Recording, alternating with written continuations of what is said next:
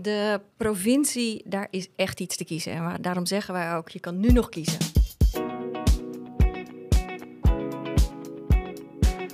Ja, dan mag ik bij deze openen, Esther. Wat leuk om hier te zijn. Het is altijd van belang om te vragen, maar hoe gaat het met je? Ja, het gaat goed. Wat leuk dat jij hier bent. Zeker. Ja. Voor het eerst in dit gebouw en hier bij de Partij voor de Dieren. Eh, Ja. Je bent vier maanden weg geweest, toch? Ja, 16 weken. Ja. Ja. En nu? Hoe, eh, hoe is het? Het gaat goed. Ik, eh, het was nodig om te herstellen. Eh, dus het is goed dat ik dat gedaan heb, rust genomen. Eh, maar ik ben vooral heel erg blij dat ik weer terug ben. Sinds ik jou ken, ongeveer ben je in de politiek actief en ben je ook heel actief. Ja, het was nodig om eruit te zijn. ja. Is het dan ook heel moeilijk om er niet bij te zijn, om, om het debat niet te doen, om... om ja, ja, het was wel het was een moeilijke beslissing. Maar soms moeten mensen dingen doen die even slikken zijn. En ik merkte dat ik eh nou, kampte met aanhoudende overbelasting en dat ik daardoor gezondheidsproblemen kreeg. Ja, dan is het wel goed om eh, in te grijpen. Dus als ik eh, tegen het kabinet steeds zeg: joh, hou nou op met die roofbouw op de aarde. Heb je een bel? Roofbouw op de aarde betekent alarmbellen Ik gaan wou af. zeggen, dit is de Ja. beste timing die ik ooit heb meegemaakt. Oké, je zegt tegen het kabinet, stop met die roofbouw, stop met die economische Ja. groei, stop met alle schade die je, die je aanbrengt. Ja, En zo moet je ook naar jezelf kijken, zeg je? Ja, want als je ingrijpt, dan kan het nog herstellen. Net als met de natuur. Als je gewoon stopt met die roofbouw, dan kan de natuur weer bloeien en herstellen. Ja, dan moet je ook eerlijk zijn als je bezig bent met roofbouw op jezelf. Dus ik moest rust nemen om te herstellen. Dat heb ik gedaan, vond ik wel een beetje moeilijk. Maar het is goed dat ik het gedaan heb. En nu ben ik heel blij dat dat inderdaad is gelukt. Ik ben hersteld en ik heb er weer heel veel zin in. Betekent het ook dat je echt afstand nam in de zin van dat je ook zo min mogelijk volgde wat er in die afgelopen vier maanden gebeurde in de politiek, in het debat, eh, in de kranten? Ja, ik ben begonnen met eh, de trein pakken, de stad uit, telefoon uit, de natuur in en even helemaal op stil. En eh, dat was heel goed. Wandelen, in de natuur zijn, hardlopen en even die telefoon uit. En eh, toen, kon ik al, toen merkte ik al snel, oké, ik, eh, ik ga me beter voelen. En toen ben ik weer het nieuws gaan kijken. En eh, het eerste nieuwsje dat ik zag toen me- mijn telefoon weer aandeed, was dat Qatar die Nederlandse voetbalsupporters had omgekocht om een beetje op hun kosten Positieve verhalen? naar het WK te gaan en dan positieve verhalen te vertellen. Dus ik dacht, oké, de wereld is nog niet per se beter geworden of zo. Dus het is goed dat ik verder ga met herstellen, zodat ik die strijd weer kan voeren. Heel kort over hardlopen. Wat gebeurt er met Esther Ouwehand als ze hardloopt? Nou, ik ga niet zo snel als jij. Nee, Nee, hoeft nee. ook niet. Nee, Ehm, maar dan eh, raakt mijn hoofd een beetje leeg. Ik krijg er energie van. Lekker, je voelt je goed. Daar doe ik het voor. En is dat, denk je, is dat omdat je in de natuur bent op een mooie plek? Of heeft het ook wel met de inspanning, met de beweging te maken wat er met hoofd en lijf gebeurt? Allebei. Je kan ook wel in de stad lopen. Jij loopt volgens mij waar je ook bent. Ehm, Soms is het onvermijdelijk, ja, Ja, maar jij loopt zo ver dat je altijd wel een keer groen tegenkomt. Ja. Nou, dat geldt voor mij niet. Maar lopen in het groen is het allerfijnst, maar sowieso bewegen. En ik ga ook eh, naar de sportschool, een beetje aan die apparaten hangen. En dat, ja, dat, ik merk dat het heel goed voor me is. Oké. Ja. Ik ga niet naar sixpacks vragen aan aanverwanten. Nee, maar zo hard train ik ook, ook niet. Nee, Is ook niet nodig. nee. We kijken naar de politiek nu. Wat, wat eh, ik bedoel, vier maanden is maar vier maanden, maar ook toch een lange tijd. Wat, wat, wat- wat valt je nu op aan politieke ontwikkelingen? Nou, ik merk aan alles dat we leven in een kanteltijd. En dat betekent dat je ziet dat de dingen waar de Partij voor de Dieren al jaren voor vecht, eh, dat we, we zijn doorbraak aan het realiseren. Eerder kregen we de Kamer al mee om zoonose aan te pakken. Hè, die dierziekten die overspringen van eh, dier op mens. Ehm, we hebben een streep gezet door het vrijhandelsbeleid, door een einde te maken aan het Mercosur-verdrag, de vrijhandelsdeal tussen de Europese Unie en Latijns-Amerika. En we hebben de wet dieren weten te wijzigen, de 20 jaar oude politieke belofte om eh, het dier centraal te stellen en niet meer aan te passen aan het systeem, maar andersom. Dus ophouden met het knippen van de staartjes van varkens. Varkens moeten gewoon buiten kunnen vroeten, kippen moeten een stofbad kunnen nemen. Dat hebben we allemaal bereikt. De kanteltijd is vervolgens dat dan de gevestigde belangen zich natuurlijk weer gaan roeren. Dus de Europese Commissie probeert nu, die is heel erg geschrokken dat Nederland handelsland dan zo'n verdrag niet meer wil. Die probeert nu trucjes, dat de parlementen daar niet meer zelf over mogen beslissen. Eh, de minister van Landbouw probeert onder die wetswijziging uit te komen die we hebben geregeld. Door weer een convenantje te doen en met de boeren te praten over hoe gaan we dit eh, regelen. Eh, terwijl die gewoon de wet moet uitvoeren. En dat is interessant aan deze tijd. Je ziet dat er grote doorbraken worden bereikt door een partij als de Partij voor de Dieren, die er jaren voor heeft geknokt. En de tegenmachten gaan zich dan ook roeren. Dus het is belangrijker dan ooit dat we onze strijd uh, verder voortzetten. En tegen minister Adema bijvoorbeeld zeggen: ja, die wet dieren die is gewoon aangenomen door de Eerste en de Tweede Kamer. Ja, ik weet niet wat je doet met je convenantje, maar je kan niet om die wet heen, hè? Noemt het een kanteltijd? Ja. Zou het kunnen, kantelen betekent heel vaak, er moet nog één duwtje en dan, dan gebeurt het ook. Zou het kunnen dat Esther Ouwehand degene is die dat ene duwtje nu gaat geven? Nou, niet Esther Ouwehand, maar wel de Partij voor de Dieren. En uh, ik denk ook dat de geschiedenis laat ook zien... soms duurt het gewoon super lang voordat je enige beweging ziet... Maar we weten uit de geschiedenis, ineens kan het snel gaan. Dus einde van de bio-industrie zou ik zeggen, gezonde landbouw, oplossen van de klimaatcrisis, of in elk geval zorgen dat we onder die anderhalve graad blijven. Um, ik heb daar veel vertrouwen in. Je ziet de maatschappelijke druk ook toenemen. Mensen vragen hierom, smeken hierom, gaan de straat op. Het kan snel gaan. Zelfs bij de VVD en zelfs bij het CDA weten ze inmiddels heus wel hoe slecht het gaat met de natuur, hoe onhoudbaar dit landbouwsysteem is. Zij weten ook dat de afgelopen twintig jaar de helft van de boeren al moest stoppen, omdat ze dit gewoon niet volhouden. Weet je, tegen de laagste mogelijke kosten, zoveel mogelijk produceren voor de wereldmarkt. Ja, dat houden boeren niet vol. De natuur leidt eronder, de dieren lijden. En de enige lachende derde zijn uh, de Rabobank en de veevoerjongens. Maar ja, uh, de verandering die nodig is, dat vraagt wel dat je politieke moed toont en um, geen geitenpaadjes meer zoekt. Dus ze weten het wel. Het enige dat nog nodig is, is gaan we daar ook naar handelen. Nou, daar is de Partij voor de Dieren zo ongeveer voor opgericht. Als je dan kijkt naar waar we nu zijn, dat we over, wat is het, uh, hoeveel weken, zes, zeven weken verkiezingen hebben. Ja. Uh, dat betekent dus dat we het mede hierover hebben. Waar zet jij, waar zetten jullie op in, uh, inhoudelijk gezien? Het, het verhaal is bekend waar jullie voor staan. Maar zijn er specifieke dingen waarvan je zegt, daar zetten wij nu op in? Nou, ik denk dat interessant aan de komende verkiezingen wordt... het gaat A, over politieke moed. We weten wat er moet gebeuren. De enige vraag is, zijn we bereid om het met elkaar te doen? Nou, bij de Partij voor de Dieren is het antwoord op die vraag altijd ja. De vraag is of anderen ook een beetje politiek lef gaan tonen. Maar wat ik ook interessant vind, kijk, de provincie gaat heel erg over de bescherming van natuur. Uh, geef je wel of niet toestemming voor een megastal, voor een biomassa-centrale, noem alles maar op. En um, er wordt vaak gesproken over de vermeende kloof tussen stad en platteland. Maar ik denk dat heel veel mensen op het platteland behoefte hebben aan politiek die durft te zeggen: we gaan nu de leefomgeving beschermen. Dus beschermen van de natuur, zodat er weer uh, schone lucht is, schoon water, niks die megastallen, niks die biomassa-centrales. En dat komt de gezondheid van mensen dus ook ten goede. Dus de Partij voor de Dieren doet eigenlijk wat we altijd doen: opkomen voor dieren, natuur en milieu. En dat komt rechtstreeks ten goede aan de gezondheid van mensen op het platteland.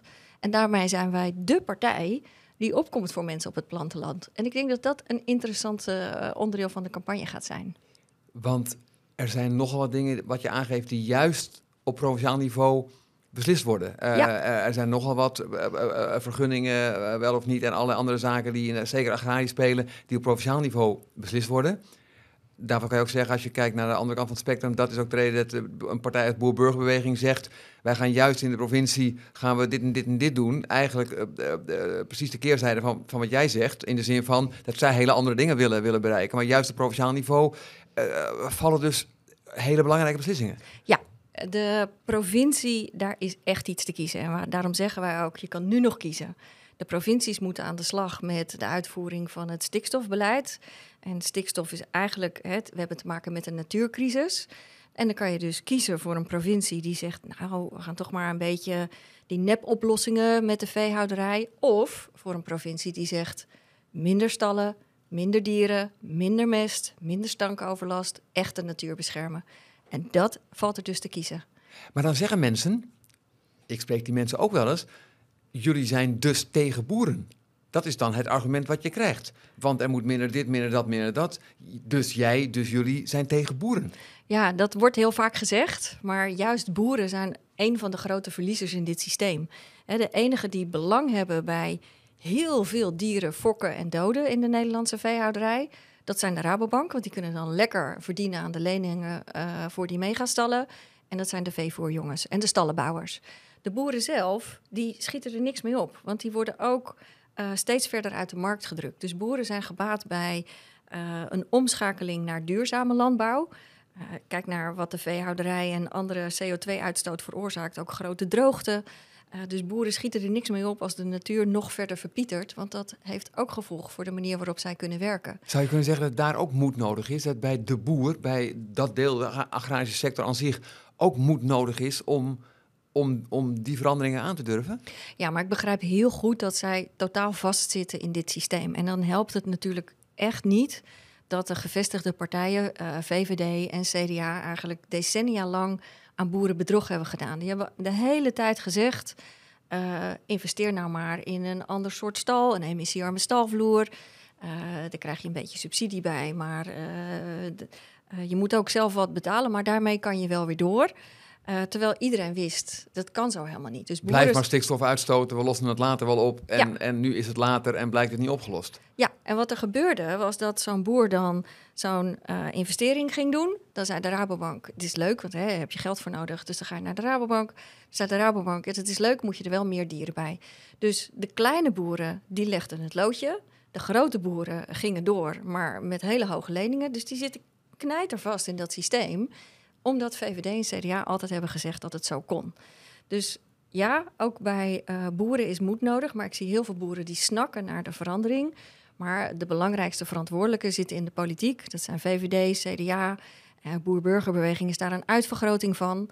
Uh, en het gaat er nu om, durf je ook in de richting van de boeren te doen wat nodig is. Want ze nog langer blijven voorliegen, boerenbedrog eigenlijk, daar zijn ze ook echt niet mee geholpen. Ik wil nog één stukje groter trekken. Als je kijkt naar klimaat aan zich, dit speelt, heeft natuurlijk grote verbanden met, met, met klimaatverandering en klimaatcrisis. Als je kijkt naar, naar dat thema als geheel, uh, wat is daar gaande, wat, wat moet daar gebeuren? Veel mensen die je gewoon hier op straat in Den Haag terecht denken, ja, ik, ik mag dit niet en ik moet dat en ik moet zo en ik mag dit niet en mijn gehaktbal wordt afgepakt. Wat, wat is er gaande, wat moet er gebeuren, als ik het aan jou vraag? Nou, bij klimaat zie je eigenlijk hetzelfde. Het is niet alsof het nieuw is of zo, hè, dat de opwarming van de aarde een het schijnt zelfs de fossiele industrie het al heel lang wist. Het schijnt dat de fossiele industrie het al wist. Het schijnt dat er al 50 jaar rapporten liggen. En wat hebben de gevestigde partijen gedaan? Altijd een beetje zo lacherig doen over klimaat en dat komt wel goed. En nu heeft deze coalitie, dus Rutte 4, uh, eh, die heeft wel een hele grote pot geld uitgetrokken voor het klimaat. Dus dan denk je, nou, er gaat eindelijk wat gebeuren. Uh, maar wat ze daarmee doen, is vooral de grote vervuilers uh, subsidie geven om te veranderen. En de burger staat in de kou met een hoge rekening. Dat ondergraaft het hele draagvlak voor klimaatbeleid. Dus ook daar zie je dat er politieke moed nodig is om heel andere keuzes te maken. Stoppen met het subsidiëren van de vervuilers. 17,5 miljard.